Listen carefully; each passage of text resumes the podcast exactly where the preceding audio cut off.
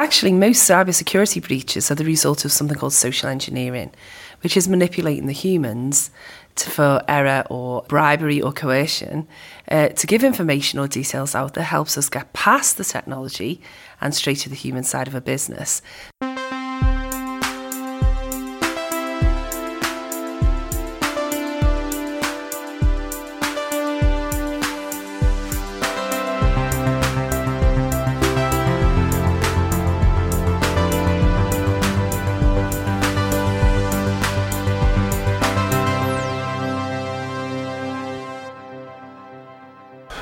All right. Um, Heja Framtiden is recording from uh, Internet Dagarna, the Internet Days, curated by Internet Stiftelsen in Stockholm, uh, Internet Agency or Foundation, I'm not sure. Jenny Radcliffe is uh, coughing in the background. And she's about to give a, a keynote speech uh, in one hour, and um, so now maybe you have to be even more to the point because you're you're afraid you will cough all the time. You uh, are here because you are uh, working as a human hacker. What exactly is a human hacker to begin with? So I think when people think of hackers, they always have that image of the guy in the black hoodie, you know, behind the computer.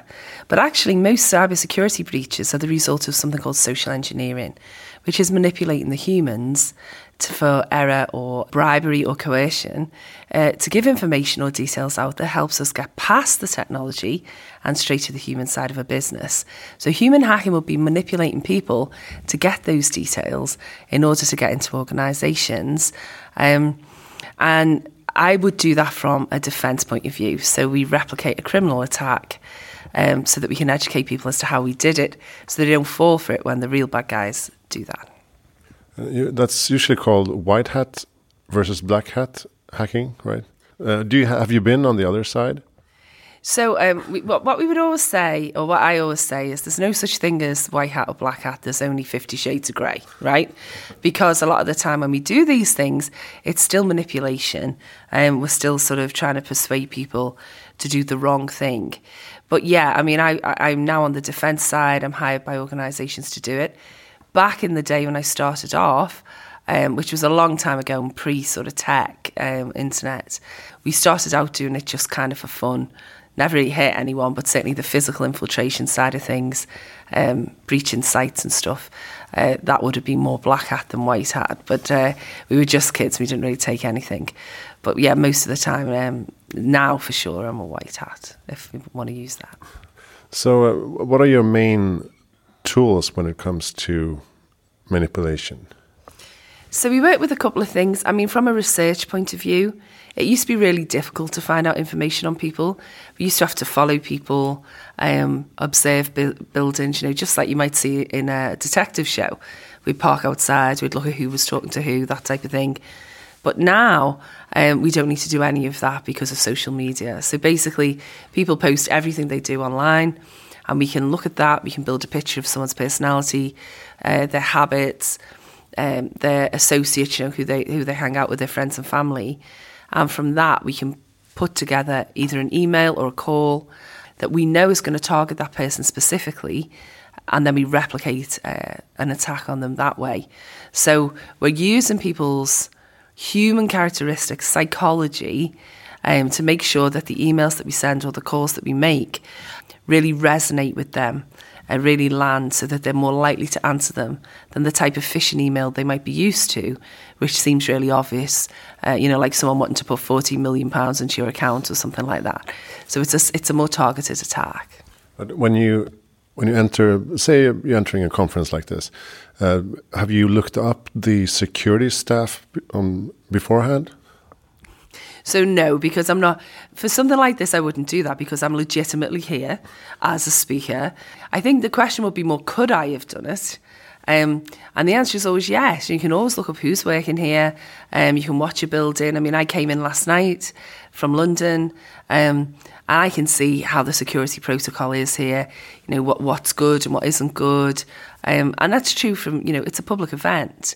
So you start to gather intelligence on a target and then look at the ways that you can perhaps breach that and get past.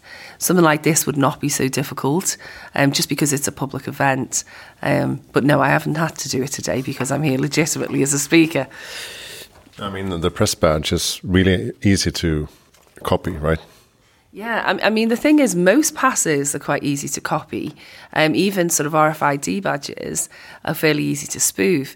Um, I was never really great with tech, I, and so I never really used them. I always worked on the assumption that I could talk my way in. And so, yes, you can fake a badge, but more often than not, if you stand outside a door and talk on your phone and look innocent and busy, someone will be polite, especially in Stockholm, I have to say, um, and will politely open the door and let you through. So, you know, I always worked on the assumption that no tech at all uh, could still be used to breach most sites. And I have to say, I've been in some very secure sites with absolutely no technology, not even a fake badge. Because when I interview um, people in organizations about cybersecurity, for example, it usually comes down to yes, technology is important, but but the culture is uh, what's uh, what's key to to make a change. Uh, do you see that we're still lagging behind when it comes to security culture? Yeah, I mean, I think there's a couple of things. The first thing is is that people have what we call security fatigue. Mm. There's, you know, so they're sick of hearing about passwords and breaches and. You know, it, if you hear it um, a lot and it's not explained why you need to do that and the potential consequences, it becomes background noise. And so, one of the things I talk about today is your awareness programs within companies really need to use lots of different ways to get through to people um, and to try and make it something that's engaging because this isn't going away. It's going to be around for a long time. So, we, so I think awareness programs that are focused more on ticking a box to say we've told everybody so now for breach we can you know claim on our insurance or something mm. that's one thing that we could improve but the second thing's worse which is we tend to blame people when they fall for, for this within businesses. Business will always say we never blame the staff if they get caught, but they do. Um, and that blame culture stops people um, reporting when they think they've had an attack or when they think there's one underway, if they're more scared of making a mistake and looking foolish than they are of reporting when this happens, then we're never going to catch the criminals or stop these things. So businesses need to work on not blaming people when they make a mistake as well. That's the biggest cultural problem that I see. Hmm. Can you give an example of, of a of a breach that's been extra fun for you? Oh, um, well, I mean, so, in terms of fun, I suppose that's a. I mean, there's been strange ones. Um, there's been breaches where um, there's been physical penetration tests where I've been inside buildings and you find strange things. So I found a gun in one guy's desk in the UK, which was the last thing I was expecting to find. You know, and there's been times when I've had to sort of get past using various things. I mean, I can tell you there was a I had to get into a bank in Germany and they had biotech, so it was a fingerprint lock on the door. And so what I did was I bandaged my arm up um, and I carried a lot of files and I put my finger on the on the pad and of course it didn't let me in because I'm not authorized. And I swore really loudly and dropped all the files and made a great big fuss in the reception of this very expensive, important bank. And the security guard came over and told me to press my hand harder. But because it was wrapped up in the uh, in the bandage, I sort of went, "Ow! I can't, I can't press it down." And then I dropped all the files and everything was a, it was a big fuss. And he just said, "Oh God, go in." And and of course, as soon as I was in, I took the bandage off my arm. Uh, I dumped the files in a bin. And then we went round to all the offices, so the CEO, the CFO, the CIO, got into all their computers, put keylog cables in, spoke to a few people, took some photographs, and I was in and out in about 40 minutes just because I'd made a fuss at, at reception. So it's, it's, it's, a, it's the type of job where, by its nature, strange things happen. Um, and, and I tend to find myself um, on top of roofs and things quite a lot as well. Um, and that's very odd. And people say, well, why the roof? Well, because if you're running away from security, they tend to assume you're going to run downstairs. So I was taught to run upstairs, and then I find myself sitting on roofs for a couple of hours, uh, freezing cold, and waiting for it all to die down. That happens quite a lot as well. So, yeah, it's a strange job by nature. When, but do you ever reveal that that you uh, are there as a as doing job, or do they just get a notification afterwards, like hey, we need to talk about this breach? So um, we do a report afterwards, obviously to the board and to, and to the clients, and, and, show them how we got in. And we film a lot of it, take photographs just for them. Um, if we're stopped on the site, we have a, a letter, which is our get out of jail free, um, which basically says this is someone who's conducting a security test, and, and you know, and then the test's over if obviously you're caught. Um, but people, you know, I have two of those. I have the real one, I have a fake one, and the fake one will have a number that will call our office so the security guard caught me in one job, called the number, um, and, and, my colleagues answered and said, "Oh, well done.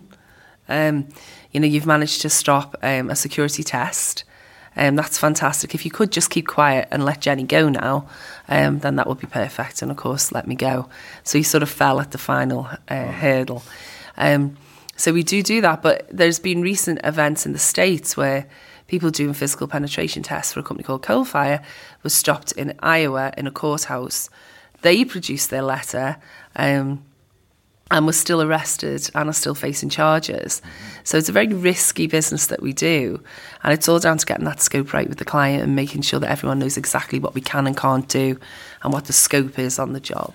Yeah, because you, you can't just say, "Oh, I was just kidding," and they're like, "Well, still illegal." Yeah, yeah, that's the thing. And so it depends if it is who gives permission, who understands the permission. It's just a test. It's just a test, you know. It's fine for me to open your door, but I get away with it a lot more than a lot of the men in the business. I think, um, just because people suspect me a lot less than they suspect a, a, a man. Mm. Especially some of the people I've worked with in the past are, you know, former military, big, tall guys, very muscular, you know, tattoos, you know, shaved heads and things. And that was really how I got a lot of work in the beginning was they needed someone who wouldn't be noticed. And um, the truth is, unless it's a female security team, um, a male security team tend not to suspect women. Um, so I managed to get away with it. I don't look like a hacker or a criminal, and therefore, in most people's eyes, I'm not one. And also, as you mentioned, being a bit loud and angry makes them really nervous. Right. Well, it's called a confidence trick for a reason, right? Um, so why would you be, if you didn't want to be noticed, why would you make a fuss? You know, so it's understanding the way all those sort of synapses fire in people's brains and understanding what people think's normal and acceptable, what they're going to question and what they're not going to question, and then really understanding um, how we can work with that. And that's why there's so much research necessary at the beginning to really understand how an organisation works to do it properly. So, so uh, why did you learn this from the beginning. I, I, I read somewhere that you did it even as a child, trying to get into the zoo, for example. Uh, but you also quit a boring job to pursue something else, and you learn a lot about uh, body language.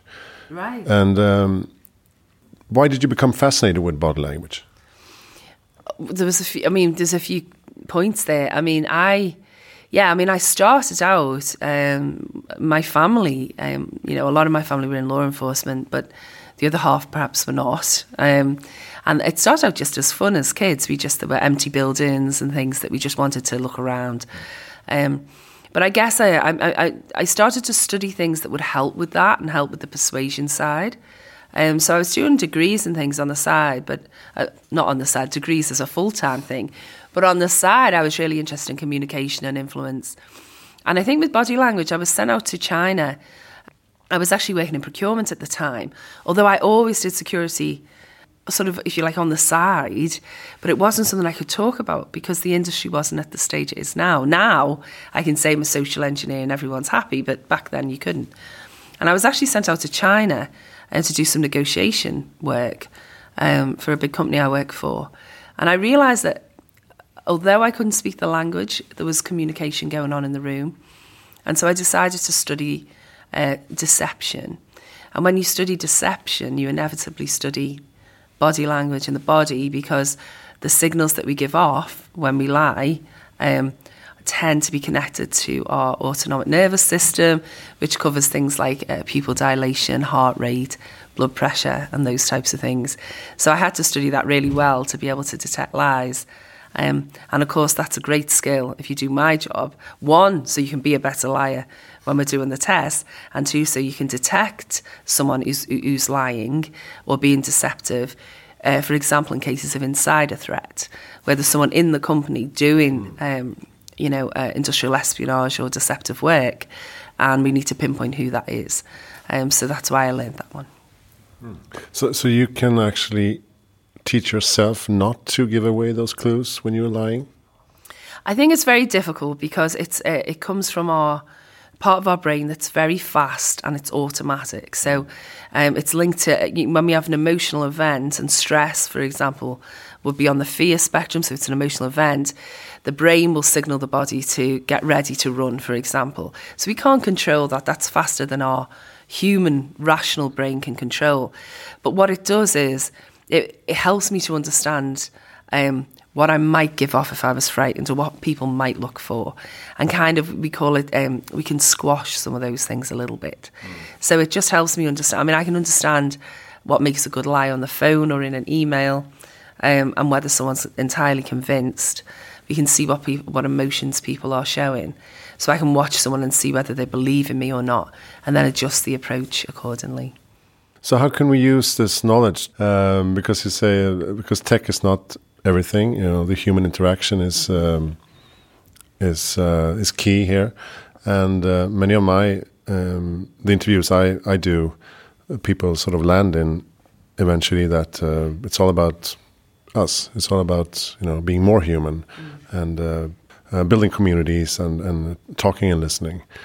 Is that also skills that we need to practice?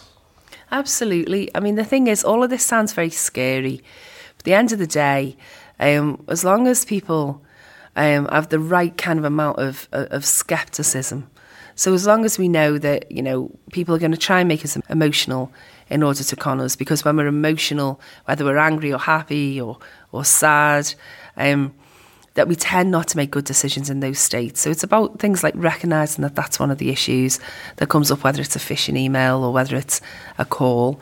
Um, whether money's mentioned, particularly for senior people, elderly people, you know. Um, you speak to, you know, someone like my mum and, and say, well, I'm the bank on the phone. She believes you, right? So what we can do by, by understanding how um, social engineering attacks take place, we can kind of give people simple advice as to protect against them. So if they mention money, if they make you feel nervous, if they rush you, all of those things are really red flags and a signal to say, Take some time, think about it, and talk to someone. You know, tell another human being that you trust, this is what's happening, this is what they're asking me to do. Because what we find is that even though in our heads at the time something might seem rational because we've been convinced by a social engineer or a, a, you know a scam artist when you have to explain it to someone else you can see for yourself whether it seems sensible and at that point maybe take different action so i think social engineering awareness is a really good place to start with security awareness, full stop. It's much easier to imagine a con artist trying to trick you than to really picture all the um, the technical viruses and everything else for someone outside of the industry. So if we start there, maybe we can increase awareness for everyone overall. Mm. What's your best um, tip for making uh, the world a better place in the future? Oh my God, um, don't reuse passwords and think about what you put online. That would be my tip. Yeah. And it's two tips in one. But both of those things would be really, uh, people would be better not doing. Uh, tell us about your podcast. Oh, so I have a podcast in the UK called uh, the Human Factor Security Podcast. We've been going for about nearly three years, and I interview people from the security industry um, just about their careers and about how the human side of things impacts on them. Um, and we just really, I like interesting people talking about interesting things. Um, we won, we've won a couple of awards and things, but really it's um, it's mostly about the people. So it's a good place to start if you want to learn more about social engineering. Do you have a reading tip uh, in the subject? Oh, for social engineering? Do you know, it's not so much a tip. I tell you what I tell people. If you can watch uh, a movie, try and watch the Godfather trilogy because that is a lesson in power and in manipulation and in, in, the way that things can kind of move from a human point of view. So I get people to watch the Godfather. Okay. And if we want to learn uh, uh, body language, where should we go? So, body language, uh, if you listen to Audible, uh, there's one of the books is The Great Courses by a guy called Mark Frank, and he was one of the pioneers of body language techniques. He worked with a guy called Paul Ekman. Um, Ekman Paul Ekman's books on that are very good, as is um, David Matsumoto's books. Um, so those three authors are all excellent and leaders in the field. Okay, great. Uh, who do you think I should interview? Um, the next person you should interview. There's a guy in the UK whose name is Bennett Arron, and Bennett was um, the victim of identity theft um, a number of years ago, in fact, nearly 20 years ago. And he's also a stand up comedian. So he gives the most funny and educational, compelling, entertaining talks all about how you can keep your privacy and your identity secret. So if I was going to interview anyone next, I'd interview Bennett. Great. Thank you so much, Jen Radcliffe, for uh, joining Heja Framtiden, and good luck with your uh, keynote in a, couple of minutes. Thanks so much for having me. Check out the, the Human Factor Security podcast and a website, Human Factor Security. Uh, everything you need to know about this podcast can be found on hejaframtiden.se. Check us out on social media and listen to us next week again because we're going to talk about something different. My name is Kirshaf Thank you for listening.